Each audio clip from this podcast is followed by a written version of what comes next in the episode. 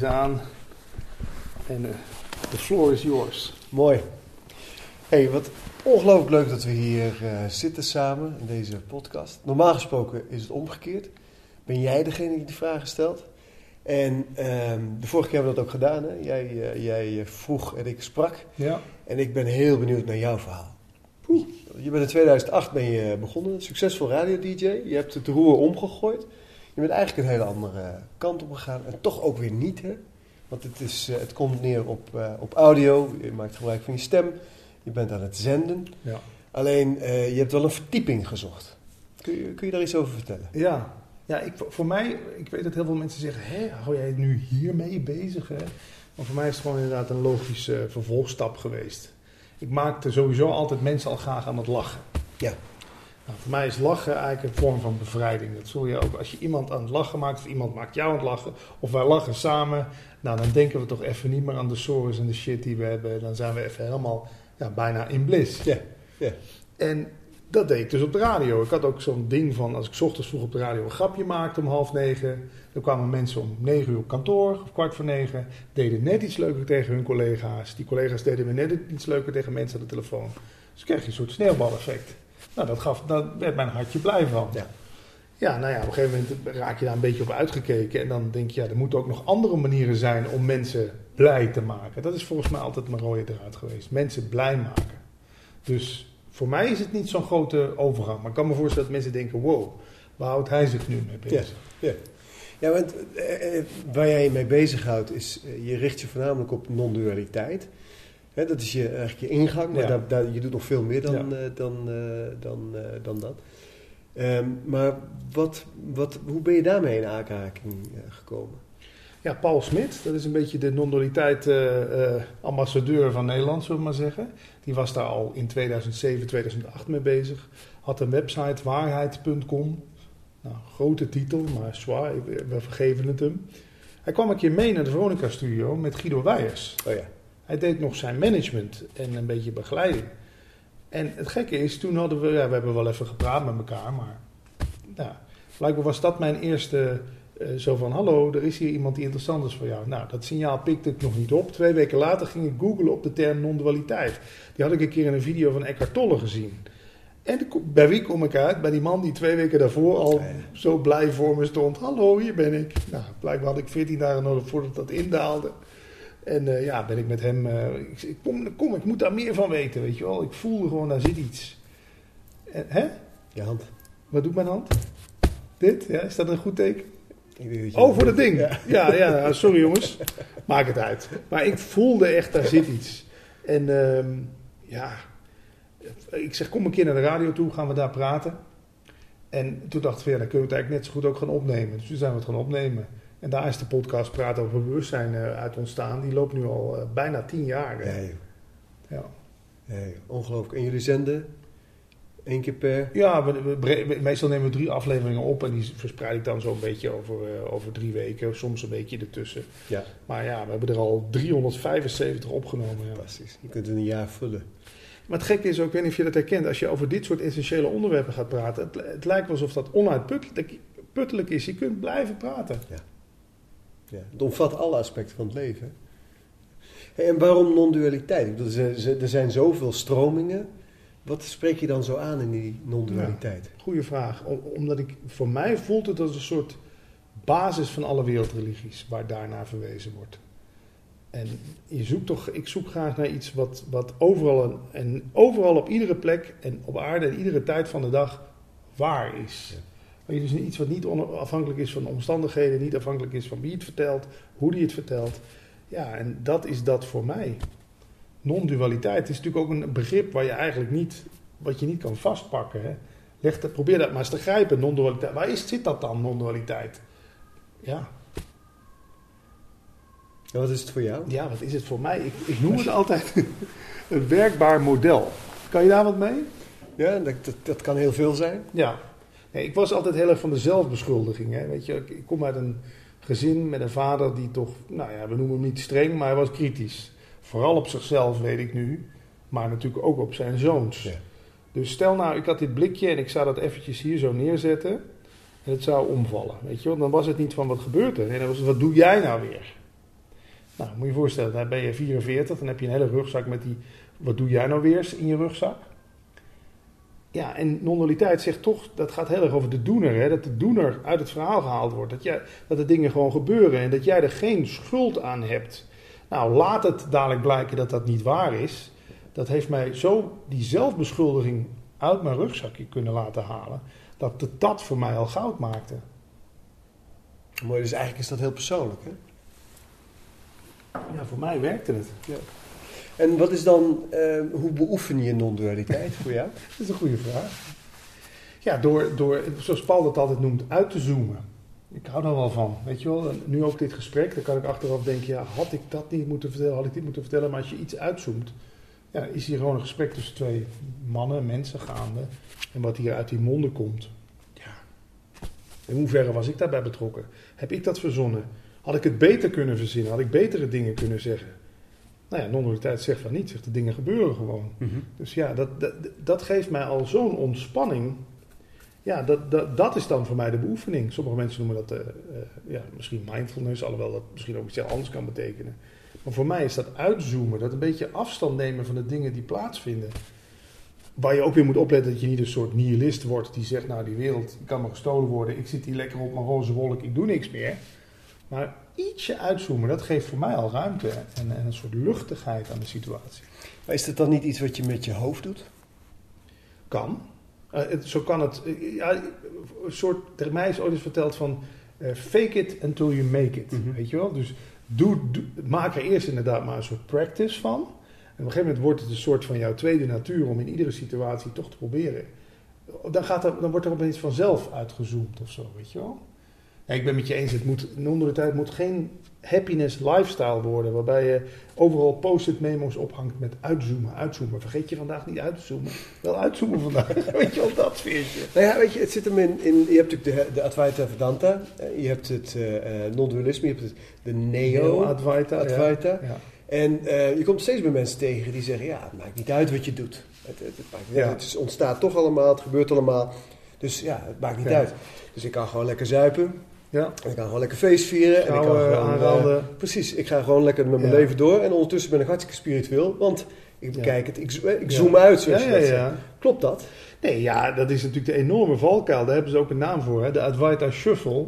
Dat je hoofd ermee aan de haal gaat. hè. Dat je een soort eh, nieuw ikje creëert, wat dan zegt van, "Ah, ik trek mijn handen overal vanaf. Ik heb, iemand, ik heb iemand van de fiets gereden en doorgereden. Ja, ik was er niet meer betrokken, want er is geen ik, weet je wel. Ja, dat is, een, precies. dat is een valkuil, daar moet je wel voor Ja, opletten. je ziet het al voor je in de rechtszaken straks. Hè? Dat je, ja. ja, Ja. Ik, was het, ik ben niet schuldig. Ja, er is helemaal geen Er ik, is dus ik was hier, het meneer. Ik was er niet. Nee, maar als je kijkt, mijn, mijn, eh, mijn belangrijkste leraar eh, is een, eh een Dingeman Boot, is een leerling van Nisargadatta Maharaj. Wauw. En Maharaj is een, is een begrip hè, als het gaat om het Ja. Een van de grootste leraren Een dikke boek van op dat gebied. Ja, ik ben zijn.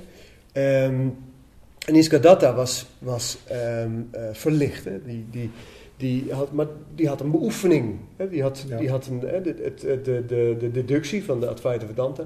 En net zolang mediteren op wat je niet bent, tot je uiteindelijk Komt, komt bij wie je in werkelijkheid ja, bent. ja. En dat is natuurlijk ook het boeddhisme. Boeddhisme is ook non-dualisme, hè, als je het goed bekijkt. Eh, boeddhisme is ook, hè, je bent al verlicht. En tussen jou en die verlichting zitten een aantal factoren. Onwetendheid, haat, begeerte, verlangen. Hm? En door het meditatieproces zuiver je die uit en kom je in contact met die verlichte, die Boeddha-natuur Ja. die je al hebt. Eh, de Kataren, ik woon natuurlijk in Katarenland. Hè. De, de, de oude Kataren hadden het Endura, dus het afleggen van wat je niet bent, net zolang Ja. tot je naar één bent met wie je in werkelijkheid bent. Eh, hoe is dat voor jou? Die, die, die, dat afpellen, Ja. die, die, die, die beoefening. Nou, als je kijkt naar tussen de Patrick van, van 2008, zullen we zeggen, nu bijna, of nou, dik tien jaar geleden en nu, ja, ja, daar kun je toch letterlijk, denk ik wel, zien dat dat een totale 180 graden transformatie is geweest. Weet je veel meer dienend, veel minder what's in it for me. Dus ik zie echt wel de, wat het opgeleverd heeft, zullen we zeggen. Maar ik zit hier absoluut niet eh, te verklaren dat ik zogenaamd verlicht zou zijn of eh, dat ik het helemaal bereik. Ik weet ook wel, als ik veel meer beoefeningen zou doen, dat, dat er misschien nog veel meer ruimte en licht eh, mogelijk zou zijn. Maar ik denk dat ik aardig op weg ben, laat ik het zo zeggen. Nou als je jou in de ogen kijkt, dan zie je dat wel. Je hebt een Hmm. hoop eh, opschoning gedaan. Hè? Er is een hele hoop weg. Ik ken jou niet van voor die tijd, maar ik kan, dat zo, eh, Ja, dat is kan me dat zo voorstellen. Ehm, en ik, ja, wat ik me afvraag, en denk ook voor mensen die dit horen, van, hoe heb je dat dan gedaan? Ja, hoe, hoe doe je zoiets? Door niet meer te vluchten eigenlijk, hè? Ik hoorde Hans Laurentius ook zo'n Advaita-leraar ooit zeggen, niet vechten, niet vluchten, maar voelen. Bij mij was dat voelen ook zo'n probleem. Hè? Ik kom uit een Dat is gezin... mooi. Dat is Ja, mooi. Niet ja, vechten, is niet mooi, vluchten, maar voelen. Ja, Ik krijg ook kippenvel weer als, als ik dat, als we dat zo ja mooi. Ja. Want daar gaat het natuurlijk om. Je kan natuurlijk boeken blijven lezen tot je een ons weegt. Je kan satsangs blijven bezoeken tot je een ons weegt. Ik heb psychologen ver, ver, ver- verslonden, coaches, trainers. Maar je weet dat je een beetje intelligent bent, lul je ze allemaal min of meer een beetje onder tafel. Ja. Als het bij je gevoel komt, lul je wel weer een andere kant op. En je gaat lekker opgelucht de deur uit en je hebt nog niks gevoeld. Nou, ik, ik moet zo eerlijk zijn dat de live events mij de afgelopen tien jaar ook wel gewoon gedwongen hebben om naar het gevoel te gaan. Ik kon gewoon niet meer anders dan gaan voelen. Maar live events van... Ja, nou ja, niet eens zo hele grote dingen, maar wel nou ja, een relatie die overgaat. Een Ja, werk- precies. Een werk wat ja, ja, ja, een werk op, ophoudt. Een, een, een, eh, een verhuizing. Weet je wel, allemaal wel dingen die impact hebben. En ja, dat dwong mij gewoon te voelen. Want er werkte ook niks meer. Weet je, ik heb, ik heb alles in de wereld uitgeprobeerd, behalve drugs, maar voor de rest alles. Om maar dat, dat nare gevoel weg te duwen. Ja. En je weet ook, op een gegeven moment, je ontkomt er gewoon niet meer aan. Nee. Het komt steeds op. Ja, en dan moet je wel. Dus ik denk dat het leven mijn grootste leraar is geweest. Dat zeggen ze natuurlijk ook in heel veel tradities. Hè? Het leven is gewoon je guru. En ja, dus niet meer niet vechten, niet vluchten, maar voelen. Ja, mooi. Guru yoga noemen ze dat. Hè? Ja? Is daar ook Ja. een term voor? Ja, dat is een term Ja, voor. mooi. Ja, ja overal, is een, overal is een term voor. Maar het is een hele mooi. Het leven zien als je guru. Het universum zien als je guru. Ja. Maar ook die interviews. Ik heb natuurlijk 300 mensen gesproken de afgelopen 10 jaar. Vergeet je niet. Ja. En op een gegeven moment. In het begin is het natuurlijk nog een leuk speeltje voor het ego. Kijk mij eens interviewen. Maar ik kwam bij dat interview er ook steeds meer achter dat hoe meer ik uit de weg ging, Patrick, met zijn, met zijn verhalen en met zijn ideeën dat hij speciaal was, hoe lekkerder dat interview liep. Ja. Dus, en dat, ik begon dat zo fijn te vinden dat ik op een gegeven moment echt wel doorkreeg van als ik me ermee ga bemoeien met dat interview, in de zin van dat ik er iets uit wil halen voor mezelf, dan gaat het stroef. En ja, dat, dat was ook weer een les. Dus ja, zo, zo blijf, zo, zo, als je alert genoeg blijft, denk ik, dan zie je vanzelf wel wat, wat er allemaal aan het veranderen is. Maar ja, heb ik daarvoor gemediteerd? Nee, ja, voor mij zijn die interviews en dit soort gesprekken, ik vind ze heerlijk. Dat is, dat is echt voor mij ja. bijna meditatie. En je hebt ook best wel grote namen geïnterviewd. Hè? Muji heb jij Ja. eh, geïnterviewd. Dat Kun is je nog, wie heb je nog meer geïnterviewd? Eckhart Tolle, Ja. ja, Byron Katie, Gangaji, ja, een beetje alle eh Advaita-leraren, Jeff Foster, Tony Parsons. Ehm, ja, ik ben, eh, eh, hoe heet ze, Shanti Mai. Ik ben eigenlijk, ik ben in Duitsland, België, Frankrijk, Jan van Delden. Engeland, Cursus, en wonderen. Cursus in Wonderen, eh, de grote namen uit die scene. Ja, en ik weet niet. Ik weet niet hoe jouw ervaring is met dat soort mensen, maar daar, daar, ja, daar gaat ook energetisch bij jou ook. Er gaat energetisch iets vanuit. Ik word gewoon, ik word blij van jou. Ik word blij van eh Eckhart Tolle. En, en ik interviewde bijvoorbeeld Lenny Kravitz. En daar werd ik dan minder blij van. Oh ja. Ja, want ja, die artiesten hebben over het algemeen toch allemaal, ja, die zijn ook, die zijn niet gelukkig. Nee. Weet je, want die zoeken het ook op, op, die denken dat als ze op een podium staan voor 10.000 man, dat dat het blijvende geluk geeft. Maar dat geeft het natuurlijk niet. Dus die worden chagrijnig als ze voor de zoveelste keer geïnterviewd worden. Omdat ze weer over iets moeten praten waar ze eigenlijk van denken, ja, vind ik dat eigenlijk nog wel zo leuk. Dus ik, ik, merk, ja, ik merk wel heel erg het kwaliteitsverschil. Ik heb Gloria Estefan geïnterviewd, Lady Kravitz, Brian Adams, noem ze allemaal maar op. En dus de spirituele eh, leraar van deze wereld. Ja. Wat een verschil. ja. Maar je, gaat, je neemt natuurlijk ook een stuk trilling over. Hè? Op het moment dat je Ja. met eh, een, een leraar in gesprek bent, dan, ja, dan is er ook een uitwisseling, een osmotische uitwisseling. Hoe noem je Ja. dat? Een Osmotisch. osmotisch. Oké. Mooi dat, daar dan, dat ik daar eens een term voor weet dan. Ja, ja het, is, eh, het is bijzonder. Dit soort ontmoetingen ook. En, en hierover praten. Het is eigenlijk net alsof er. Ik zeg altijd: het is net alsof er een soort stille vriend bij komt zitten daar op die stoel. Die, die ons zo zit gade te slaan van ja, ja. Praat er meer over. Hier moet het over gaan. Of zo. Dat, dat beeld ik me dan in. Hè? Ja, mooi. Ja. Ja. Ja. misschien zit hij er wel. Ja, nou ja. Wie weet. We hebben er een derde stoel staan. Hey, en eh, hoe reageerde jouw omgeving? Want je, je maakte die switch, je, je, je ging eh, eigenlijk van, van Radioland ging je, eh, een hele andere kant op. Wat, wat, was de, wat waren de reacties? Ja, nou ja, de, de, de, het is wel veranderd in de afgelopen tien jaar. Dat zul je ook gemerkt hebben. Ja. Tien jaar terug was het nog eh, Patrick ziet spoken. Mijn vader zag een boek van Eckhart Tolle liggen. Patrick is lid van een Duitse secte. Pas op, ze zijn op je geld uit. En eh, langzaamaan... Weet je, nu zegt dan bijvoorbeeld een oude baas van Veronica zegt tegen mij... Ja, ja, want jij doet toch een, eh, jij doet een lifestyle podcast hè, voor mindfulness. Ik zeg, ja, ja, ja. Dan hebben ze, mindfulness is tegenwoordig al een begrip, dat, daar kunnen Ja. mensen wat mee. Hè? Yoga is inderdaad ook al een soort van eh, geaccepteerd. komen? Ja. Dus ja, zo, maar in het begin waren ze natuurlijk niet zo enthousiast. Hoe kan je nou een maandsalaris van 12.000 euro opgeven om je hiermee bezig te gaan houden? Ik zeg, ja, weet ik veel. ik bedoel, ik heb het tot op de laatste dag heb ik dat geprobeerd. Maar ik kreeg het er gewoon niet meer uit bij de radio. Weet je wel, praten over dingen die me niet meer interesseerden. Muziek draaien die ik niet meer leuk vond. Vertellen waar de files staan. Ik denk, daar hebben die mensen toch een app voor. Waarom moet ik zo'n waslijst met files gaan zitten voorlezen? Weet je, dat ouderwetse, ik wilde hier over praten. Maar ja, ik heb zelfs meegemaakt dat hier liep de radio-uitzending. Die had ik al van tevoren half opgenomen. Hier zat ik met Paul Smit, de podcast, hierover. Weet je wel? Zo, en toen dacht ik op het laatst ja, wie zit je nou voor de gek te eigenlijk ook? Dit kan je toch niet langer zo volhouden dat je, op de, dat je op de radio maar de clown zit uit te hangen terwijl je hierover wil praten. Ja. Hebben zij in centen gezeten? Hoe bedoel je? Qua... Nee, die vraag, hè? Die, jij kreeg, Ja. pas op, ze, ze, ze, zitten- ze zitten achter je cent aan. Oh nee, nee, nee, absoluut Nee, niet. Dat gebeurt niet, nee, hè? Nee, Nee. dat is goed Nee, of dat ook eens. Osho terechtkomen, die deed dat dan wel. Nou ja, die vroeg om een bijdrage of zo. Precies. Maar het is, het is dus wel een, een vooroordeel hè, wat veel mensen hebben. Op het moment dat je deze kant op gaat, Ja. dat je dan bij allerlei mensen komen die eigenlijk alleen maar achter je cent aan zitten en dat heel mooi weten te verpakken. Ja, Het is, wel, het is wel mooi om te zien dat je al tien jaar in deze wereld beweegt Nee. en dat je je centen nog Nee, steeds hebt. nee, ja, het heeft me wel geld gekost in de zin van ja, overal naartoe rijden voor die interviews en zo. Maar dat heb Ja. ik er graag voor over gehad.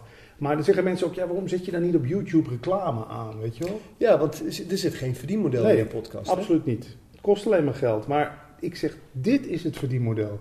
Wat hebben wij niet weer voor een leuke, inspirerende avond? Dat is toch niet in geld uit te drukken? Ja. Ik bedoel, ik, ik zou heel graag, als we nou eens dat geldmodel of dat geldprincipe uit het, uit het leven zouden kunnen trekken. Ik weet, het gaat niet. Maar even fantaseren. Dan is dat allemaal toch waardevol. Iedere ontmoeting, bijeenkomst, delen wat we doen. Ja, dus ik, ik verdien heel veel met die podcast, alleen geen geld. Ja, zo zeg Ja. ik het dan maar. Ja. Ik denk, denk, je, ik denk dat we daar uiteindelijk natuurlijk wel naartoe gaan. Hè? Dat er het, het geldmodel eruit gehaald wordt. En Ja. dat we de dingen, dat de bakker brood gaat bakken omdat het zijn passie is. Ja. En dat hij dat wil bijdragen aan Ja. de maatschappij. Ja. En dat de hotelier een hotel heeft omdat hij dat wil bijdragen. En dat jij als... Ik vind jou waanzinnig inspirerend op dat vlak. En dan moet je ook wel zeggen, ik, je, je moet ook geld hebben om zoiets te kunnen doen. Dat is het. Ik heb het geluk gehad dat ik natuurlijk mijn, mijn, huis van spaargeld heb kunnen kopen. Kijk, geen een kast van een huis, je bent er geweest. Ja. Maar wel een functioneel leuk huis. Leuk huis. Wat zijn waarde houdt. Ja. Dus ja, dan kan je inderdaad op een gegeven moment gaan veroorloven je hiermee bezig te houden. En ik weet zeker, ja, het geeft al vervulling. En er gaat ooit een moment komen dat er vanzelf misschien wel weer op donatiebasis. Dan ja, jij bent het levende voorbeeld daarvan natuurlijk. Als je zoveel mensen inspireert, op een gegeven moment denk ik, ja, daar komen ze van alle kanten aanrennen om je te helpen. En nou ja, ik heb dat dan niet nodig omdat ik geen groot centrum heb of zo. Maar nou, ik gaf net tijdens het eten al het voorbeeld. Twee films zijn ontstaan uit die podcast. Hè? Ja. Alles over niets en Hoe is Alice? Gemaakt met mensen die naar de podcast luisterden. Nou, dat, hoe groter wil je het voorbeeld hebben van dat, dat het altijd al wat Ja, is fantastisch. Ja. Nou ja, misschien kunnen we die magie wel weer eh, ehm, eh, iets, iets zich laten manifesteren. Dat is wel leuk om te zeggen. Ik vertelde je over die film die we nu aan het maken zijn, eh 10%, over de bewustzijnsshift. Mhm. En over de kabbalistische profetie dat als 10% van de mensheid ontwaakt, dat ehm, eh, de hele mensheid in een soort kwantumsprong bewust en, en in een verlichte dimensie terechtkomt. En daar zoeken we nog een coördinator voor. Hè? Ah, Dus laat, laat, ik ga, eens kijken Ja, of ik of die, het- die, ja. die, die magie eens toetsen. Ja. Kijken of dat of werkt. dat werkt, ja. Ja, of daar iemand op afkomt. Leuk. Ja. Hey, en wat is nou de meest, wat is de meest heftige reactie die je hebt gehad van mensen toen je die omslag maakte? Ja, hij is van padje af, weet je wel. Het gaat niet goed met hem. Dat is natuurlijk wat je... Kijk, want eh, er is ook niet echt voor een spirituele crisis of ontwaken... of hoe, ja, hoe noem jij het? Voor, het, voor een bewustzijnsshift, weet ik hoe je het moet Ja, het noemen. ontwaken eerst. Ja. ja. Daar is ook in de DSM-5 staat daar niks voor. Daar is bij de bedrijfarts, heeft hij daar geen eh, protocol voor liggen. Dus hoe noemen we het dan maar? Burn-out, eh, eh, overspannen, eh, in de war, weet je wel. Maar Ja. terwijl jij heus wel weet, nee, ik was eerst in de war. Ik ben nu weer een beetje normaal aan het worden. Ja. Weet je, ik ben, ik ben oude dingen aan het afgooien en ik ben dingen aan het verwerken. En ik ga, maar ja, daar is gewoon in onze maatschappij blijkbaar is geen werkbaar model voor. Dus dan zeggen ze maar, die is, die is de weg kwijt. Of die is van het padje af, terwijl je juist de weg gevonden hebt. Hoe leuk is dat? Ben je mensen kwijtgeraakt? Ja, nou ja, mijn ex-vriendin, waar ik toch eh, zes jaar iets mee gehad heb. Misschien een aantal vrienden, alhoewel, ja, dat ging ook een beetje organisch. Nee, er zijn wel nieuwe mensen op mijn pad gekomen. En dan valt vanzelf natuurlijk, ja, een beetje de, de mensen die met je omgingen omdat je wat bekender bent, die, die vallen vanzelf weg als ze denken daar valt niks meer te halen. Ja, dat is wel interessant, Ja, denk ik dan. ja. Ja. Dat hoort er ook bij. Je raakt ook oude vriendschappen kwijt. Dat is bij mij niet anders. Bepaalde mensen laat je ook los. Bepaalde mensen gaan. Andere mensen laat je zelf bewust los. ja. Dat hoort ook bij dit proces. Hè? En dan komen we weer, daarmee maak je weer ruimte voor eh, Ja. nieuwe mensen. En interesses vallen natuurlijk ook wel weg. Ik, bedoel, ik ging vroeger heel vaak naar theater. Eh, nou, ik draaide dan heel veel in discotheken, want daar hebben we het ook nog niet over gehad. Ja, Dat, dat deed ik ook heel veel, was ook heel goed geld mee te verdienen. Maar ja, op het laatst stond ik na een half uur al op mijn horloge te kijken. Ik dacht, pff, pas een half uur. maar dat doe je helemaal niet meer. Nee. Nee, alhoewel ik wel moet zeggen, zo'n hele zaal in beweging krijgen, net zoals ik jou net zag doen op dat filmpje wat je me liet zien. Ja. Hè, wat je ook goed kan. Met muziek, mensen, is, is ook bijna een soort spirituele bijeenkomst. Hè? Als je mensen met muziek helemaal uit hun panty kunt laten gaan. Ja. Alleen ja, ik kon het op het laatst ook omdat ik steeds gevoeliger werd. Nu nog, als ik een filmpje terugzie van dat ik sta te draaien, de tranen springen me bijna in de ogen. Zo komt dat binnen. Ik weet niet of jij dat herkent, maar je wordt steeds fijngevoeliger. Dus je, dat, dat tot diep in de nacht keiharde housemuziek draaien. Ja, weet je wel. Ja, ik kan er nog maar een paar minuten naar kijken en ik, ik word helemaal overmand door emotie. Dus ik denk ook dat het gewoon niet meer zou kunnen. Mij op een podium zetten met, met duizenden, honderden mensen voor je en dan die muziek draaien. Ja, ik denk dat ik het zelf niet meer aan... Ja, ik weet het niet, maar snap je een beetje waar ik op doel? Ja. Die fijngevoeligheid. Ja. Dat je bij wijze van spreken eerst moest iemand je zo aanraken en nu is het dan met een veertje en je voelt een soort hetzelfde. Ja. Dezelfde je wordt gevoeliger. Ja, je wordt heel gevoelig. Ja, je gaat ook zuiverder voelen. Het komt ook meer binnen. ja, ja. Ik, ik had het vandaag nog met, met mensen over dat een van de eh, grootste geschenken van het, eh, van het, ontwaakte, van het ontwaken. ehm, we, we zijn er allebei over eens dat we, we doen ons allebei niet verlicht voor. Maar we zijn wel ontwaakt, we zijn wakker geworden. En het grootste, een van de grootste zegenen van het, van het, van het ontwaakt rondlopen vind ik het, het vermogen om ontroerd te raken. Hm. Dat had ik niet. Ik kon niet ontroerd raken Ja. voor die tijd. Ik wist ook niet wat dat was of hoe dat moest. Of empathie, hè? voelen wat iemand anders voelt. Ja. En daar ook van genieten. Of, of bij- iemand kunnen zijn die, die pijn heeft zonder dat je daarin meegesleurd wordt. Maar dat je wel er voor iemand kan zijn. Maar dat ontroer, ik vind dat zo mooi. Ontroerd raken. Ik vind dat zo Ja. verrijking van het leven. dat is het ook. Alleen ja, in de moderne maatschappij, ja. Ik weet niet hoe jij dat ervaart, dat je dan... Je wordt, een pretpark wordt natuurlijk overdonderd met prikkels. Ja. Weet je wel. Schreeuwen de kinderen, achtbanen, ja, ja, ja, het moet allemaal harder knipperen. Ja, ik heb daar soms wel... Ja, maar goed, je gaat ook... Ik heb nu bijvoorbeeld een museumjaarkaart in plaats van een, eh, dat je naar de kermis gaat, bij wijze van spreken. Ja, nou ja. Ja, nee, ik ben niet voor niks 1200 kilometer verderop, eh, Ja. vlak bij de Pyreneeën gaan Ja. wonen. En dus ook om die prikkels. eh, We zijn nu in Utrecht en we zitten heel hoog. En dat heeft ook met prikkels te maken. Dus ik, ik, zit, ja, ik zit er niet graag meer in. Ik heb, ook wel, ik heb nu twee dagen een seminar gegeven in Rotterdam. Een dag geslapen. Ik heb, ik heb daar wel... eh, ik voel dat wel, zo'n Mm. stad om me heen. En dan ben ik ook, eh, ja, ben ik ook wel, wel, eh, ja, wel blij dat ik daar dan niet hoef te blijven, zeg Ja. maar. Hè? Ja, wat ook weer, ja, wat, wat ook luxe is, dat begrijp ik ook. ja. Ja. Dus ik herken dat. Maar zou het, zou het eens, want wat, me nou, wat, wat in mij opkomt, misschien kan er ook wel zoiets ontstaan in een podcast, maar eh, ik geef natuurlijk grote evenementen, waarbij ik maak heel veel gebruik van muziek. En ik doe bijvoorbeeld muziek gebruik in combinatie met ademhaling en eh, praten. eh, waarbij we mensen zeg maar, door het chakrasysteem meenemen. Dus eerst in die, in die onderste en dan het loslaten. Mensen komen in de transformatie, laten oude stukken los. ehm, door muziek en ademhaling.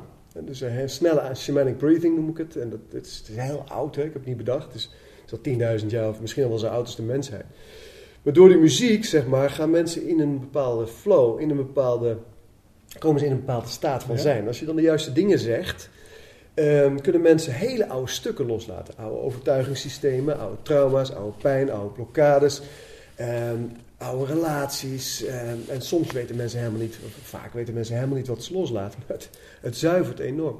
Is, is op die manier met muziek werken niet iets Ja, wat eh, voor jou eh, wat aansprekend is? Ja, en mooi hoe je het zegt. Ik bedoel, we hadden het natuurlijk over Terra Nova, jouw plekje.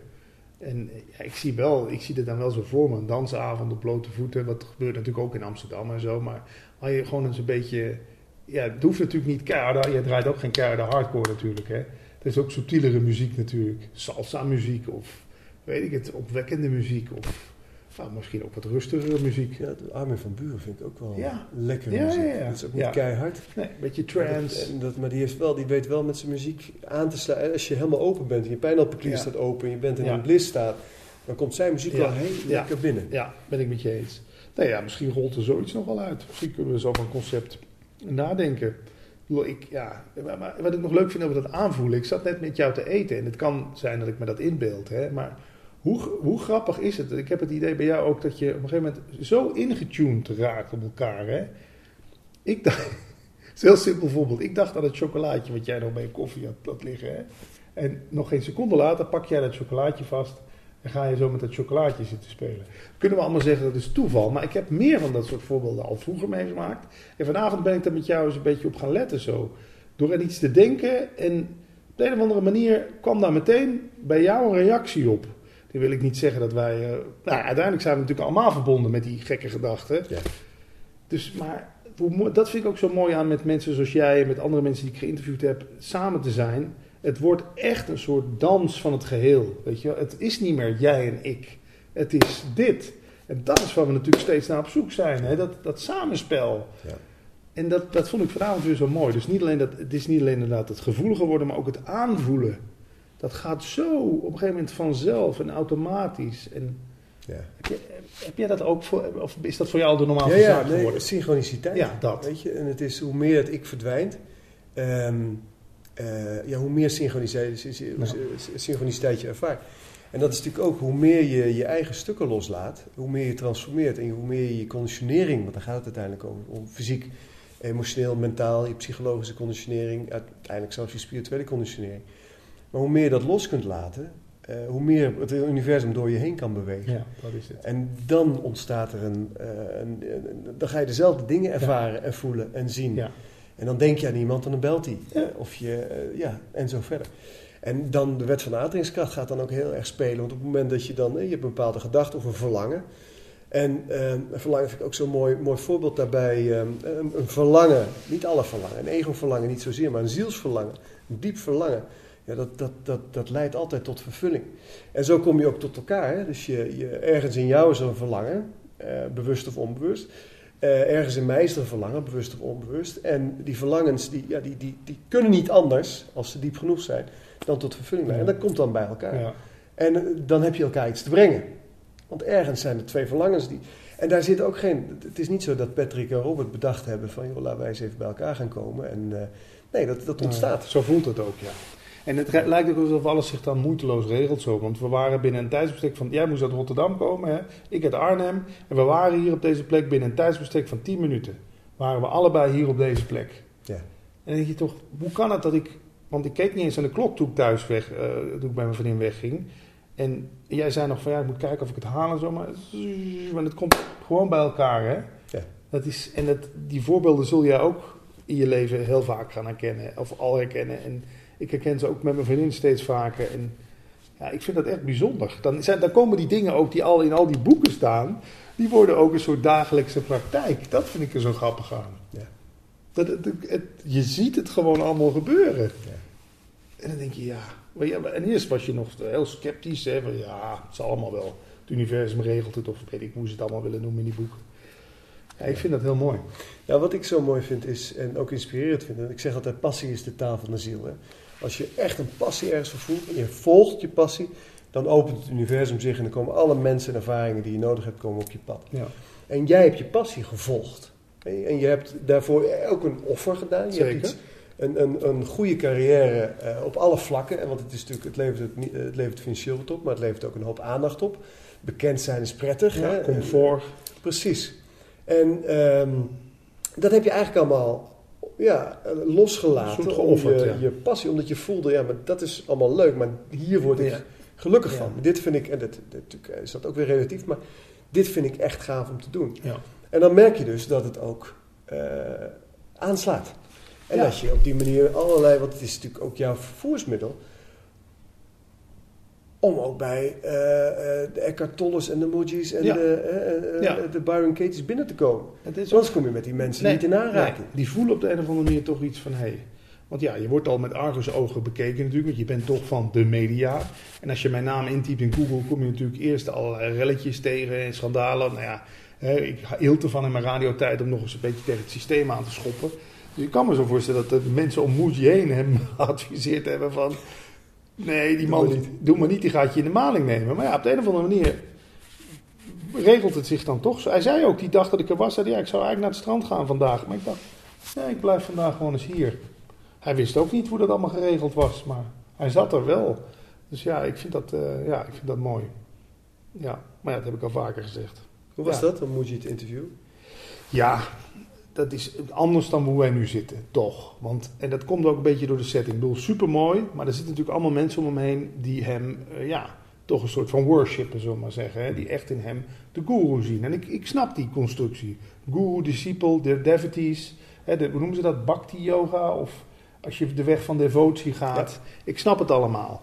Maar ik kom daar gewoon als een boerenpummel binnen en ik sla hem op zijn schouder en ik zeg, wat ruik je lekker? Weet je wel, hoe heet die aftershave? Vond hij fijn, weet je. Hij zegt van, nee, dat is die en die en die heb ik pas. Lekker hè, weet je wel. Je ziet mensen heen natuurlijk een beetje zenuwachtig worden. Van, oeh, hij slaat de boer op, z'n- op, op Ja. zijn schouder. Ja. Maar ja, ik, ga, ik ben niet van het... Van het eh, dus dat, daar moest ik even aan wennen, aan de setting. Maar op een gegeven moment, ja, het is natuurlijk wel een lieve man. Want je komt binnen en het eerste wat hij doet, hij pakt je hand. Hè. En dat is voor ons, kijk, ja, wij geven elkaar al gewoon een hand. Maar hij pakt gewoon je hand vast. Weet je. En niet op een erotische manier, een sensuele manier. Ik denk, wauw, dat, dat vond ik dan toch al bijzonder. Weet Ja. je, dat gewoon een, een, een, een, kerel van, hoe oud zal die zijn, 55 of zo. Een Jamaicaan met rasta's. Ja. Je kent hem nog geen drie seconden en hij pakt je hand al vast. Mooi. Ja. Ja, en je voelt ook met nul intentie. En gewoon, ja, hij heeft natuurlijk van die puppyogen. Het is gewoon een hele lieve man. Ja. Dus ik snap wel dat heel veel mensen Ja. voor hem vallen. Ja. Intimiteit zonder seks is dat ook. Hè? Ja, ja, dat. Mooi. Echt intiem, ja.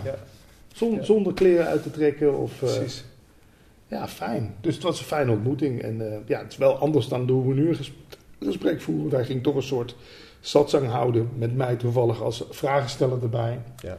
Maar ja, ik snap ook wel. Dat zijn de mensen, ook, er zat een hele kring mensen omheen, die zijn het ook gewend van hem.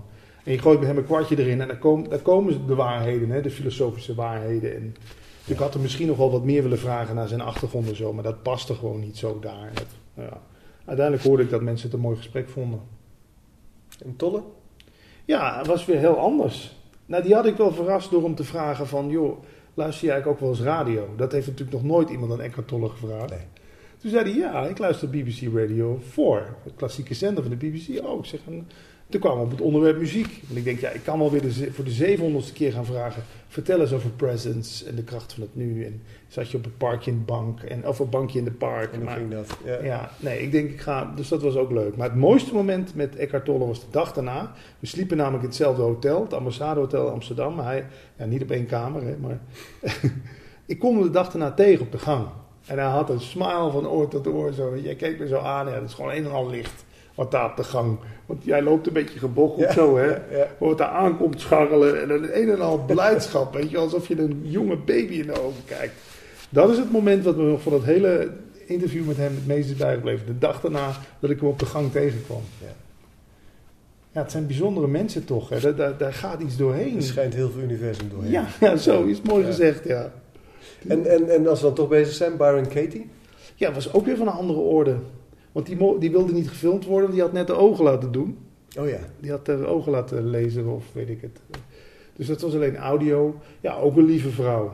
Alhoewel ik bij haar wel iets meer het idee had dat ze gewoon... Dat ze dacht, ja, dan gaan we weer voor de zoveelste keer. En dan dat praatje... Ze, Ja. ze, ze hield hetzelfde praatje. Ja, stokpaardjes. Ja, de voor... voor eh, wat ik wel heel gaaf vind aan wat je nu vertelt, is eh, dat Muji dus eau de toilet draagt. Ja. En dat Byron Katie de ogen laat liften. Ja. dat, is, dat, is, dat is niet iets wat je van Wat ze je ziet. Precies. Maar het is wel gaaf en belangrijk dat we dat... Dat we dat Weten. weten. Ja. Ja. Want het past een beetje wel tijdens het eten over. hè. Niemand is ergens. Ja. Niemand is 100% verlicht. Ja. Misschien, misschien is Kadatta. En, en, en dat is nog steeds dat is de vraag. Ja. Misschien de Boeddha. Maar we weten nog steeds niet zeker of die... Ik ben in de leer geweest bij een eh, leraar in Amsterdam. Die, eh, die zei, nee, de Boeddha is duizend keer teruggekomen. Eh, dus niemand weet 100% zeker dat de Boeddha nooit teruggekomen is. Hè? Of dat een arahat, een verlichte, niet terugkomt. Dus we weten het niet, maar we kunnen er wel van uitgaan dat niemand ergens is. Er zijn altijd nog stukken. Hè? We hadden het ook over een, een hele bekende meditatieleraar... die nou ja, toch nog een, een naar seksueel stuk op na bleek te houden... ondanks dat hij verlicht geacht werd Ja. door andere leraren. En dat vind ik interessant, want het blijven dus gewoon mensen. Mensen. Ja, en zo moeten ze ook vo- vooral blijven zien, vind ik. Maar ja, dan kom je bij het principe van ik zal- ga mezelf kleiner maken. Ik ga me niet meer met mezelf bezighouden. Ik ga alleen, alleen maar de guru eh, soort van vereren. Ja. Je zult het ook tegenkomen in, in, in, in, in, je, in je omgang met mensen. Ja, Ja, we hebben daar een protocol voor. dat wordt meteen... eh, Ja, dat doen we niet aan. Nee. Dan, eh, dan, dat doen we echt niet aan. Dit is niet mij op een voetstuk zetten. Op wat voor manier dan ook, want dat werkt niet. Het Nee. gaat er juist om dat je vanuit gelijkwaardigheid met elkaar... ja, Uiteindelijk, iedereen is... We zijn allemaal gelijk. ja. En ehm, weet je, mijn vrouw Monique, die, ik vind dat, dat zo mooi, die heeft mij dat geleerd. Ze zegt, ja, ehm, er is geen pad. Er is geen weg. Er is geen lineaire weg. Het, het, het, zie het maar als een soort van sterrensysteem, waarbij eh, jij bent op die en die en die ster geweest, en ik ben op die en die en die ster Mm. geweest, en daar overlappen we elkaar. En over deze sterren kan ik van jou leren, en over die sterren kun je van Mm. mij leren. Ja. En dat is wat het is, Ja. voor mij in elk geval. Niemand is ergens, eh, we leren allemaal van elkaar. En ehm, wij kunnen leren van een kind. We kunnen ongelooflijk veel leren van een kind zelfs. we kunnen misschien wel meer leren van een kind dan een kind van ons. Eh, we kunnen leren van eh, die meneer die hier, ehm, eh, die, die we hier tegenkwamen op de gang, die hier de, de was doet. Ja, Die kan, die, die kan ons heel veel, die kan veel van ons leren, maar wij kunnen ook heel veel van hem leren. Als je maar nederig genoeg bent en eh, genoeg met je beide benen op de grond Ja. blijft staan om dat te beseffen. En jezelf niet, niet verheft. En ook je, je, je donkere stukken en je, eh, eh, daar waar je nog, ja, nog, nog, nog te gaan hebt, daar gesloten over bent. Hè? Ja. En dat is toch wel wat je vaak, wat je vaak ziet. Want ik vind zo'n Katie wil niet gefilmd worden. Ik heb er geen oordeel over. Maar het is wel, ja, zet dan, dan juist. ja, dat zou ik ook Ik denken. heb me ogen ja, laten ja, liften. Ja, ja, ja. het is misschien ook iets Amerikaans of iets wat met vrouwelijkheid of zo, ijdelheid, ik weet het niet. Je komt het inderdaad, ik kwam het laatst nog een keer tegen, ik zal geen namen noemen, maar ik was bij een persconferentie, een presentatie van een boek. En voordat we de persconferentie konden beginnen, moest eerst een half uur met de camera gekloot worden, die moest hoger, want mevrouw wilde niet van onderop gefilmd worden, want dan zou je wel eens de onderkin kunnen zien, weet je wel. Ja. En denk ik, heb jij een boek uitgebracht over verlichting, de- antidepressie, ja, het zal allemaal wel. Ja. Maar, maar ook goed om te zien inderdaad dat het ook maar gewoon mensen zijn met hun onzekerheden. Als ze daar dan maar gewoon inderdaad ook eerlijk over zijn. Dat ze zich niet voordoen alsof de, dat hun allemaal niks meer doet. En, ja, dat zou oneerlijk zijn, ja. Maar ja, je, je, je noemde iets moois. Even kijken. Je had het over ehm, verering van mensen. Of, nee, dat wilde ik vertellen. Voor mij is het net zo bijzonder om hier met jou te zitten. Met Eckhart Tolle. Met, ik, heb, ik heb een zwerver geïnterviewd vorig jaar zomer in het park in Tilburg. Ja. Het is allemaal natuurlijk. Precies. Het is allemaal. Als je het God wil noemen, God met een ander jasje aan. Of als je het universum wil noemen, eh, creatie van het universum. Waarom moeten we het ene heilige gaan verklaren dan het andere? Nee, daar ben ik inmiddels door die 300 interviews ook wel achter gekomen. Natuurlijk, die grote namen die helpen om mensen naar je website te krijgen. Maar je kan net zoveel inspiratie halen uit dat gesprek met die zwerver. Die, die niet eens een tientje te besteden heeft. Dus ja, ik, ik hou er ook van. Dus da- daar ben ik ook wel weer achter gekomen door die interviews. Dus ja, zo kom je al doen, dan kom je overal achter natuurlijk. Ja, ja mooi. Ja. Dat is een hele mooie, hele mooie weg. Ja. Wie, wie, wie staat op jouw verlanglijstje? Ja, Deepak Chopra, dan kom ik toch weer met Oh, grote ja. namen. Die zou ik toch eens willen spreken. Maar ook omdat, kijk, en Ben Tichelaar, ik weet niet of die man nog kent, van Ja, Dromen Durven Doen. Ja. Om, waarom? Die mensen hebben op mijn pad in het begin, want voor 2008 hield ik me heel erg met die motivatietapes bezig. Hè? Tony Robbins, Brian Tracy, eh, eh, Deepak Chopra, Wayne Dyer natuurlijk ook. Hè? Leeft helaas niet meer, had ik heel graag eens een keer willen spreken. Maar dat zijn de mensen die een beetje voor mij pad ook een soort geplaveid hebben of zo. Of een beetje bomen weggehakt, zodat ik er makkelijker doorheen kon. Dus voor mij heeft dat allemaal waarde gehad. Zelfs Emil Ratelband, zijn boek Chaka, 20 jaar terug of zo. Of weet je, noem maar wat van die mensen. Je had het er straks over Jomanda. En je- mijn moeder zat met de flessen water voor de radio. Ja. Eh, en Jomanda ging het water instralen. En dan had ik bijvoorbeeld de pukkel op mijn kin of op mijn, eh, op mijn wang. En dan zei mijn moeder, kom dan doen we even een badje met Jomanda water doen we erop. Pukkel de dag daarna weg. Daar, zijn wij, daar waren we het ook over eens vanavond. Hè? Dat we, Jomanda is een voorloper. Hè? Het is ongelooflijk jammer dat ze toen eh, zo... Geketterd is is. En we hadden het ook over... Nou, dat heeft natuurlijk te maken met Sylvia Millekam, het overlijden van Ja. Sylvia. We hadden het ook over dat we mensen kennen die in- uit de directe kring van Sylvia eh, Millekam... en dat die daar heel anders naar kijken. Ja. Het was haar eigen keuze, het was haar eigen verantwoordelijkheid. Ja, ze heeft dus- daar zelf voor gekozen. Jomanda is neergehaald. En we hadden het al over dat het wel heel mooi zou zijn om Jomanda weer een soort van in ere te herstellen. Ja. Dus staat zij ook op je lijstje nu voor je Ja, nee, podcast? eh, je hebt me er weer aan herinnerd. Ik kwam er- eh, maar dan moeten we wel eerst door een paar lagen heen. Want zij zal ook denken, oh, daar heb je weer zo'n pipo die me weer belachelijk wil gaan maken in zijn vlog. Ja. Weet je, daar zal ik dan, misschien moeten ze met z'n tweeën naar naartoe stappen of zo. Of een keer uitnodigen. Of misschien in Frankrijk iets. Of weet je wel, dat Ja. we, dat je, want bij sommige mensen moet je inderdaad echt het vertrouwen winnen. Wat ik ook snap. Want er wordt natuurlijk heel veel in de media, wordt dit in de man bij het hondachtige hoek geduwd. Ja. Ach god, daar heb je weer iemand die het licht gezien heeft. Nou, weet je wel. Ik weet niet of die naam je nog wat zegt. Loude Palingboer. Dat was zo'n man die in de jaren 50 hier al over aan het spreken was. En daar is laatst een documentaire over op tv geweest. Dacht ik ook, ja, die arme man. Die deed dat in een tijd dat het helemaal nog Zo. Oh, Ja. de jaren 50. En dan toch durven, hè? Toch durven op een sinaasappelkistje op de Dam in Amsterdam te gaan staan. Ja. En hierover te praten. Ja. Nou, die werd natuurlijk met de grond gelijk gemaakt overal. Maar ik denk wel, dat zijn de ware pioniers. Hè? Nou, de palingboer ook. Ja, Ja. prachtig. Ja, wij, wij kunnen hier gewoon eh, nog met zonder gêne. Maar ja, laten we het over de 17e, 18e eeuw hebben. Wij gingen de brandstapel op, hè? Ja, ja, Als we met dit soort... Ja, ja. Ja. Ja, of erger. Of nog erger. Of erger, ja. Dus dat Ja. is toch... Er zijn er wat mensen voor... Jij noemt het lichtwerkers, hè? Ja. Kun je die term nog eens een beetje duiden? Wat je, ja, dan ga ik in mijn interviewrol, maar ik ben gewoon benieuwd. Zijn het allemaal lichtwerkers geweest, die mensen die op de brandstapel terecht zijn, om die heks genoemd werden, die, die, die verketterd werden? Nou ja, allemaal. Er zijn natuurlijk ook mensen die gewoon door de buurman eh, verraden werden. Of, of eh, die helemaal niets mee te maken hadden. Maar de buurman die wilde Oh, die een hun af. land wel. Hè? Oh ja, ja. Dat gebeurt natuurlijk ook. Ja. Als je maar kon aannemelijk kon maken dat iemand een heks of een, to een tovenaar of een magier of, een, of een duivelsvereerder was. Maar ja, heel veel mensen wel. En de, de, de katholieke kerk heeft natuurlijk op een gegeven moment een soort van alleenrecht op God eh, genomen. Ehm, en dat komt voort uit, uit Israël, hè, Yahweh, de, de god van de oorlog, die eh, ehm, eh, ja, een soort van alleenrecht nam hè, op het, op het, op het ik ben God, ik duld ook geen andere goden naast me, zei hij, in die tien geboden. En ehm, ik, eh, ik wil ook niet dat je beeldenissen maakt. En, Ja. en er waren nog dertien andere goden. En er was nog een oppergod, El, in het Hindoeïsme Brahma en het universum, eh, het, zijn, het uiteindelijk eh, ehm, eh, universeel scheppende. En Java die is daar als het ware voorgeschoten. Die zei, nee hoor, ik ben de god, Eh, jullie, jullie, jullie allemaal niet. En, alle, alle, en Baal was heel populair toen, was god van de vruchtbaarheid, die werd eh, weg. En daar zo ontstond dat, dat, dat christendom, zeg maar, het Javanisme. Ja, en die hebben natuurlijk toen eh, een soort van koep gepleegd eh, op, de, op, op, op wereldschaal. En die zijn, ja, op alle, die zijn al die, die volken gaan, over, gaan overtroeven. En op, alle, op allerlei krachtplekken hebben ze kerken gebouwd. En ehm, zijn al die mensen gaan, eh, gaan bekeren. En iedereen die dat niet meer mee wilde, of die bij zijn natuurgeloof bleef of bij de werkelijkheid bleef, die werd geliquideerd. Ja. En eh, toen zijn ze met de missionarissen meegegaan met die boten. Hè. Dan hebben ze Zuid-Amerika, hebben ze al die Indianen afgemaakt. Want die, die zaten ook in een, eh, Ja. te dicht bij moeder aarde, Ja. te dicht bij de werkelijkheid.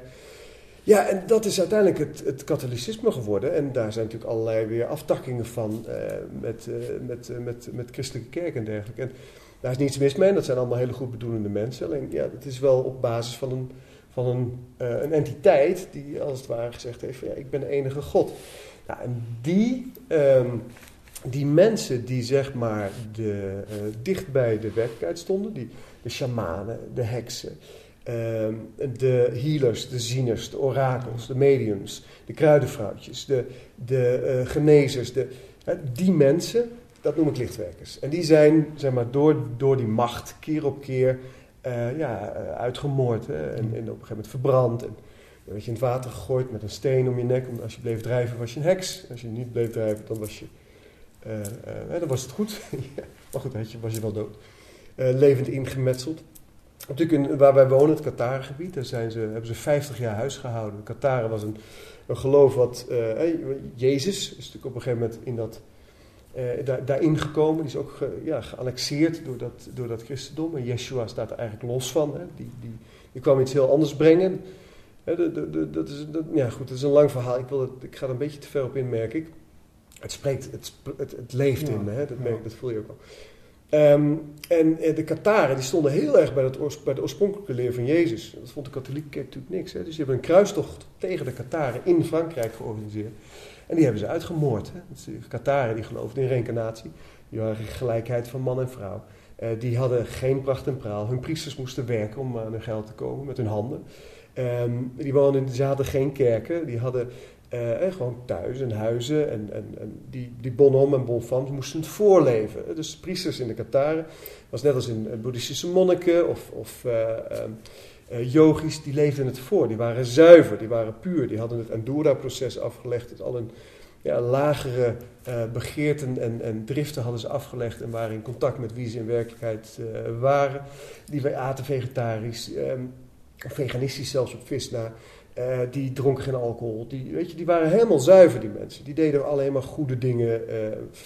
ja, dat moest natuurlijk afgeslacht worden. Want eh, priesters die, die, die, die, die zopen en die verdienden geld. En die hadden macht. En die zaten in het... eh bisschoppen die hadden oorlog, die voerden oorlogen. Dus die katholieken, die Javanisten vonden dat maar niet. Nou, al die mensen... Heel lange omweg Ja, ja, gemaakt. ja. Maar ik vind het wel waanzinnig interessant. Ik, ik wil ook graag daar mensen mee bereiken. Omdat dat, men- dat, dat we dat ook weer gaan beseffen. Dat we Mhm. ja, een beetje voor het lapje gehouden zijn. hè. Want die mensen die keer op keer leven na leven zeg maar, zijn, eh, zijn omgebracht, dat, dat zijn die lichtwerkers. Ja. En die lichtwerkers die zijn er nog steeds. En we zijn met heel veel tegelijk nu in, in, in, in het midden van Europa geïncarneerd. Heel veel in Engeland, heel veel in Nederland, heel veel in Duitsland, heel veel in, eh, in, eh, in Frankrijk, in Portugal, in Spanje, in Italië, in Noord-Amerika, in Australië, eh, maar ook in Aziatische landen. Maar de concentratie zit wel hier. Dat is ook logisch. Eh, Als je het vanuit een, logisch perspectief bekijkt, dus hier ben je redelijk veilig nu. Hè? We worden niet meer verbrand, Ja. vervierendeeld, geleverd, ingemetseld. En, maar we hebben wel die trauma's. Dus lichtwerkers zijn mensen die voelen, wacht eens eventjes, het klopt niet helemaal, er is een andere werkelijkheid. En jij bent in mijn ogen ook een lichtwerker. Eh we zijn mensen die eh, ja, op onszelf zijn, ons eigen pad eigenlijk altijd al wel een beetje gevolgd hebben.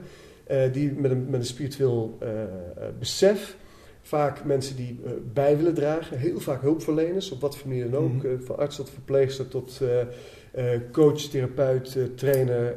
maar goed, dat hoeft niet. Ehm, en je hebt lichtwerkers die boodschappers zijn. Guido Wijs hadden we het over, Paul Smit, dat zijn de Ja. boodschappers van ons. Hè? Michael Pilacek, dat zijn de boodschappers. Je hebt lichtwerkers die zijn, dat zijn de healers. Dat zijn eh, de, de, de, de, de de Jongs en eh eh, Yvonne Toussets. De naam zeg je wel of niet wat met, van, deze, van deze wereld. Er zijn lichtwerkers die zijn de onderzoekers. Hè? Jij bent een, een alchemist, een onderzoeker. Je brengt allerlei dingen in kaart en je, brengt, je opent nieuwe velden. Nou ja, en met z'n allen zijn we bezig om ja, die duisternis van de afgelopen, eh, nou ja, nou, van de afgelopen 3000 jaar, om daar ehm, licht in te brengen. En te zeggen, jongens, het hoeft niet meer zo. Eh, het is allemaal, we zijn doorgeschoten. Het hoeft allemaal niet zo materialistisch. Het hoeft allemaal niet zo eh, eh, te gaan om macht en angst en, en nemen en hebberigheid. En het mag om iets heel anders gaan. Het mag gaan om delen. Het mag gaan om liefde. Het mag gaan om compassie. Het mag gaan om wijsheid. Nou, en die shift, dus, zit in mijn ogen de mensheid nu in. En in die shift spelen wij een rol. Maar lopen wij daar dan toch nog risico mee? Ja, zeker. Ja, ja, zeker. En wat, wat zijn die risico's? En ja, kun je daar tegen wapenen? Nee, moet je denk ik ook niet doen. Hè. Op het moment dat je je gaat wapenen, ga je vanuit angst werken. Ja. En op het moment dat je in de angst schiet, dan ehm, eh, ga je dus op diezelfde trilling zitten Ja. als het Ja. oude systeem. Dus dan ben je- open je jezelf eigenlijk op het oude systeem. Dus belangrijk is, ehm, en mijn leraar Althusser Rossiter, die eh, Londense leraar, die, eh, die, eh, ehm, die je ook absoluut moet ontmoeten trouwens. die eh, zegt ik altijd, als, als je iets hebt, eh, center en eh, in liefde, maar stuur ook liefde. Dus het beste wapen wat je hebt, is, is je liefde. Is je Daarmee metta. ontmantel je alles natuurlijk. Ja. Ja. Dus als je bedreigd wordt, op wat voor manier dan ook, eh, of dat nou iemand in je directe vrienden, vrienden of familiekring is die het niet eens is met wat je doet en je met een bepaalde Mhm. agressie bejegent, liefde sturen. Ook als het het systeem is, hè, bijvoorbeeld als je de belangen van een bedrijf eh, eh, in de weg zit en er wordt een advocaat op je afgestuurd of er wordt een liefde sturen.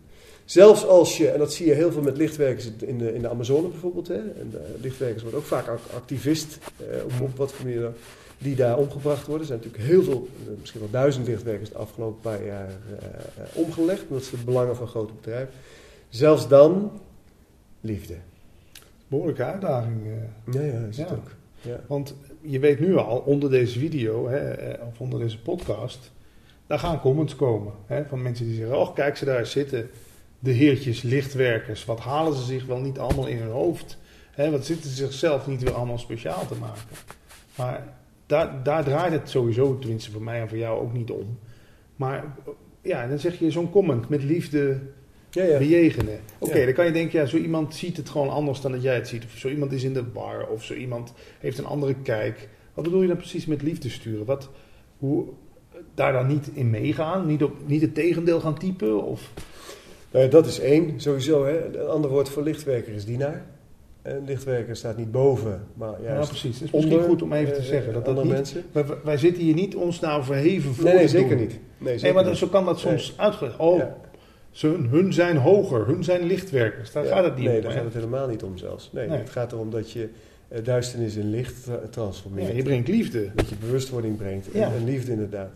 En ehm, Wat kan dus daar er is niks hogers, Nee. er, is niks hogers aan. En ja, en, en inderdaad, de een is niet, niet, ehm, niet, op reagie, niet, niet reactief zijn, je niet persoonlijk aangevallen voelen. Want er is helemaal geen persoon om aangevallen te Mhm. worden uiteindelijk. Hè. Ehm, en inderdaad, liefde sturen. Dat je, ik hoop dat je gelukkig wo- wordt. En ik hoop dat je in liefde mag leven. Ik hoop dat je eh, plezier mag hebben en mag genieten van je leven. En ehm, eh, weet je, dat is ook dat is liefde. Op, op zo'n manier kun je met hele, hele goede intenties doen. Nou, Ik had laatst bijvoorbeeld een vriend van mij, die zit eh, ergens in een grote organisatie. En die valt precies onder een, een, ehm, een directielid. Hij zit met aandelen in dat bedrijf, hij kan er niet uit. En hij zegt, Robert, het is echt, het is zo'n verschrikkelijk naar iemand. Eh, ik, ik kan niks meer. Er zitten al, zijn nog vier mensen in de, in de ziektewet eh, door haar. En ik word alleen maar... je, het is gewoon echt evil. Dat heb ik tegen hem gezegd. Ik zeg, liefde sturen. Dus metta, en metta-meditatie, een boeddhistische meditatievorm. Waarbij je alleen maar metta is universele liefde. Alleen maar dat je gelukkig mag zijn. Dat je gezond mag zijn. Dat je vrij mag zijn van lijden. Dat je in liefde mag leven. Dat je goed voor jezelf mag zorgen. En zo verder. Heeft hij gedaan. Een paar weken later kom ik hem, eh, of belt hij me op. Hij zegt, ik weet niet wat er gebeurt. Hij ze we hebben ineens gesprekken. Ze praat met me, ze heeft me een berichtje gestuurd op mijn verjaardag. En ik, ik wist niet wat er gebeurde. En dat is de kracht van die liefde. En dan zal ik niet zeggen dat ik daar zelf altijd in slaag. Ik zal ook niet zeggen dat ik daar... Ik ben ook geen heilig boontje. Maar het werkt wel en het werkt heel erg goed. mm. En we zijn een stuk veiliger dan dat we waren. Ehm, toen. ja, Maar ja, er zit nog steeds, ja, er zit nog wel een stukje, eh, er, zit, er zijn nog heel veel duistere krachten die eh, eh, nog heel veel macht hebben. En ja, dat is toch wel een, iets om in elk geval je bewust van te Ja. zijn. Maar goed, Wenne, je hebt het voor elkaar. Ik ben Wat? al de hele tijd aan het praten. Oh nee, ja, ik vind het wel interessant. Ja. Nou ja, dit is toch gewoon een leuk gesprek ook. Ja, ik, mooi. hoe- ik weet niet hoe lang jouw podcast normaal duren. We zitten al op een minuut of vijftig. Ja, ja. Ja, maar, maar vraag wat je wil. ja. Ik, vond, eh, ik vind het mooi eh, om te zien dat... dit sterkt mij ook in mijn vertrouwen dat ik... Als er dan een goede weg is, maar dat dit de weg is gewoon die, die ik te doen heb. Weet je, dat, dat zeg ik, dat is misschien nog wel leuk om tegen jou te vertellen. Mensen vragen ons, waarom hoor ik je niet meer zowel op de radio? En dan zeg ik, ja, ik was ergens anders nodig. Ja. Als je het zo kan zien. ja, is prachtig. Als, Ja. als we gewoon allemaal van het grote universele uitzendbureau zijn. En jij en ik Ja. worden nu hier naartoe uitgezonden om dit te doen. Ja. Ja, weet je, en alleen maar nederig zijn en te denken, ja oké, dit is nu de rol die ik vervul. En natuurlijk had die andere rol, had dan in het verhaal wat meer comfort en voordeeltjes en klik, klik, je wordt op de foto gezet op een filmpremière. Maar werd mijn hart daar net zo blij van als hier nu over praten? Nee. En, en als je het dan hebt over je hart, ja, ik mag toch hopen dat, dat die de waarheid spreekt, hè? Want bij zo'n foto, dat je op de foto werd gezet, zo'n rode loper, dat is wel één keer leuk, maar je gaat je er ook heel vies van voelen. Je denkt je, maar op een gegeven moment denk je, waar komt die foto dan eigenlijk in? En wie zijn die mensen? En waarom willen ze me zo graag op de foto hebben? Oh ja, wacht eens even. Zodat ze die foto kunnen bewaren, als er een keer met jou iets aan de hand is, Ja. dat ze een foto hebben waarop ik bijvoorbeeld zo kijk. Weet je wel, voor als ik eens een keer iets stoms gezegd heb, hebben ze een foto waarop ik zo kijk. Ja, oké, daar gaat het dus om. Ja. Prima, dat is hun pakje aan, dat is hun werk. Ik heb er graag aan meegewerkt, maar laat me toch maar liever hier aan meewerken. Ik vind het prachtig. Ik vind het prachtig om te zien dat je... Je bent het levend voorbeeld van dat... Eh, beoefening is mooi, maar zonder ehm, dat je heel intensief beoefent... heb je het vertrouwen. Eh, volg je je passie. Eh, ben je nederig en bescheiden. Eh, ben je een, een kanaal voor het, voor het universum. Hè? Een, een, een, een kanaal voor het goddelijke. Eh, laat je je daarheen voeren waar je... leef je in synchroniteit, synchroniciteit en overgave... Ik, ik maak een hele diepe Hmm. buiging. Ik vind het echt waanzinnig. Ik ook naar jou. Heel gaaf. Het leuke is, normaal als, als dit over dingen zou gaan hè, die het ego aanspreken, zou ik nu met zo'n rode toeter zitten, weet je. Maar ik, ik voel dat je het over dingen hebt die, dat heeft niet zoveel met de persoon Patrick te maken, weet je Patrick heeft hier ook eigenlijk helemaal niks over te... Ja, hij heeft daar wel wat over te zeggen, Ja. maar dat is vaak als ik straks in de auto zit, zegt hij van... Goh, ja, nee, je had wel een beetje dorst op het laatst, weet je wel. Of weet ik het, over gekke dingen dat dat persoontje kan verzinnen. Maar dit, nou, ik vind het een heel mooi compliment, dankjewel. En, en eh, hetzelfde geldt voor jou, weet je wel. Ik, het is nu de tweede keer dat we elkaar, of de, ja, de tweede keer dat we elkaar zien. En het voelt alsof we oude vrienden zijn. En dat Ja. vind ik ook zo mooi. Dat heb ik een paar keer per jaar met mensen die ik ontmoet, eh, die hier ook over spreken. Je voelt dat er gewoon iets anders aan de hand is. Het gaat niet om het verhaaltje, Robert zo oud, ik ken hem al zo lang. Het gaat over, over, over eh, veel diepere dingen. Dus, Mooi man. Dankjewel. Jij ook. En leuk. En to be continued. Hè? Ik hoop dat we nog vele mooie dingen samen kunnen laten geboren worden. Dat hoop ik ook. Ja. En dankjewel voor deze podcast. Ja, jij ook. En, Het eh, is gaaf om eh, een podcastkoning te interviewen. nou ja, ik, eh, ik hoop graag eh, binnenkort eens een keer naar uh, Terra Nova te komen om eh, verder te praten. Ja, Leuk. leuk. Hey, dankjewel. Très bien. Merci beaucoup. Ja,